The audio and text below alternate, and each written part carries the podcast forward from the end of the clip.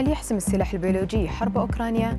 PCR متطور قادر على تحديد متحورات كورونا للقضاء على الإعاقة دمج الإنسان والآلة أبرز أخبار الساعة الأربع والعشرين الماضية في دقيقتين على العربية بودكاست بعد أن جددت وزارة الدفاع الروسية تحذيراتها بشأن امتلاك أوكرانيا أسلحة بيولوجية فهل يحسم ذلك مصير الحرب؟ الخبراء يتوقعون أن يتم استخدام أسلحة بيولوجية في الحرب ما بين روسيا وأوكرانيا لكنهم يؤكدون أن تلك الخطوة بمثابة كارثة إنسانية سيصعب السيطرة عليها أو معالجة تبعاتها حيث يعد السلاح البيولوجي أحد أشكال أسلحة الدمار الشامل غير التقليدية وهو ما كان يطلق عليه سابقا سلاح العقوبات الذكية التي تنشر الأوبئة والجراثيم للقضاء على أكبر قدر ممكن من السكان والبيئة.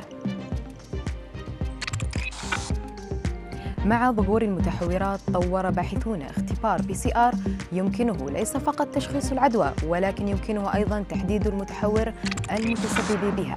فقد قام باحثون من شركة الأطباء وخدمات الرعاية الصحية التكتيكية بتخصيص الموارد بسرعة لتطوير اختبار لكورونا دقيق وموثوق. واستخدم الباحثون لتطوير هذا الاختبار المنارات الجزيئية وهي تقنية رائدة وهي عبارة عن جزيئات على شكل دبوس شعر يمكن تصميمها لربطها بشكل انتقائي بتسلسل متحور محدد.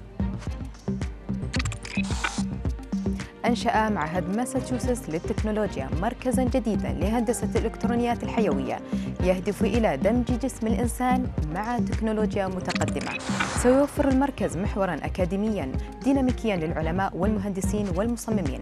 للعمل معا على حلول ثورية لتحديات الإعاقة من خلال مجال الأطراف الاصطناعية الروبوتية لتطوير الأطراف الاصطناعية التي تتحرك بأوامر الدماغ أو الأجهزة البصرية التي تتجاوز الحبل الشوكي المصاب لتحفيز العضلات ويجب على مطوري الأجهزة الإلكترونية دمج المعرفة من مجموعة متنوعة التخصص.